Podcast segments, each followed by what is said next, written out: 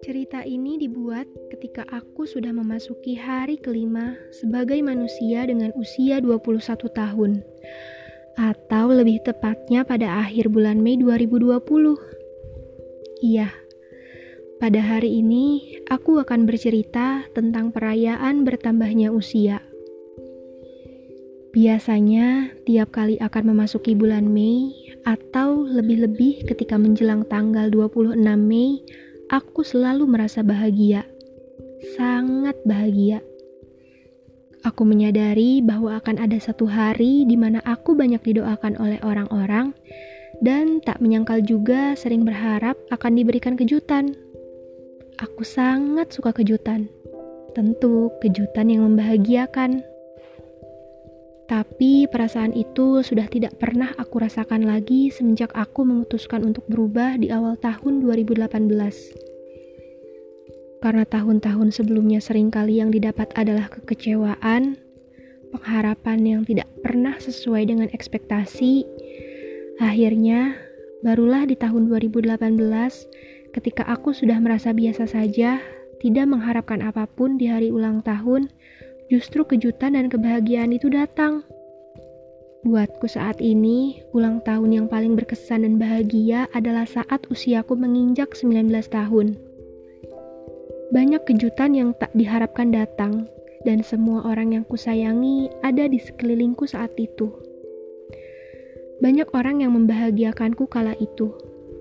Kemudian, mari kita lanjut ke tahun 2019. Untuk pertama kalinya, aku merayakan ulang tahunku di luar rumah. Awkward moment sebetulnya. Ternyata aku tidak menyukai kalau ada pesta dan yang menjadi ratunya itu aku. Aku tidak tahu harus bagaimana dan harus berbuat apa. Pada waktu itu, aku bahagia walaupun ada sedikit insiden yang menyebabkan aku malah menangis di tempat umum. Maklum, pada saat itu aku sedang datang bulan. sehingga aku menjadi lebih sensitif dari biasanya. Lalu kemudian pada tahun ini, aku benar-benar tidak mengharapkan apa pun dari siapa pun untuk apa pun itu. Ulang tahun di tengah pandemi dengan paceklik membuatku jadi lebih tahu diri. Tapi tak disangka pula justru yang terjadi malah di luar ekspektasi. Yang mengucapkan dan mendoakan betul-betul banyak sekali. Padahal aku berusaha tidak terlalu terang-terangan soal tanggal 26 Mei. Hari itu, untuk pertama kalinya, Mama mengucapkan selamat langsung padaku tanpa melalui status WhatsApp. Aku terharu sudah pasti. Hari itu aku habiskan dengan bercengkrama bersama teman-teman terdekatku. Semua teman-temanku, baik yang ada pada saat itu maupun tidak, sangat mengerti betul apa yang membuatku bahagia.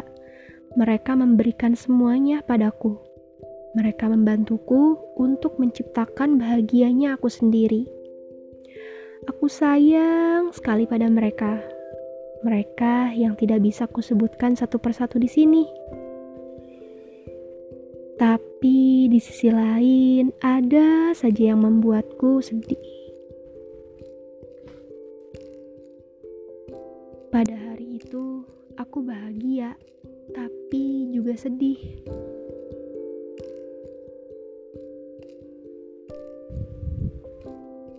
Seperti apa sedihnya? Kenapa aku bisa sedih? Aku tidak bisa jelaskan. Tapi yang pasti, perjalanan umurku dari 20 ke 21 tahun ini banyak mengajarkanku tentang kehilangan sekaligus keikhlasan. Aku selalu benci yang namanya kehilangan, tapi mau tidak mau itu seharus selalu kuhadapi. Aku selalu sedih berlebih ketika kehilangan seseorang. Beruntungnya, pada akhir masa usia 20 tahunku, aku bertemu dengan seseorang yang lebih membuatku berani dalam menghadapi rintangan hidup. Walau pada akhirnya sosok itu juga pergi, tapi pelajaran yang telah dipupuknya akan selalu aku ingat baik-baik. Bahwa kita harus sadar kalau ada yang pergi, pasti ada yang datang. Begitupun sebaliknya, silih berganti. Yang perlu kita lakukan hanya ikhlas dan berdamai dengan diri sendiri. Setiap orang yang datang dalam kehidupan kita itu punya kontrak waktunya masing-masing.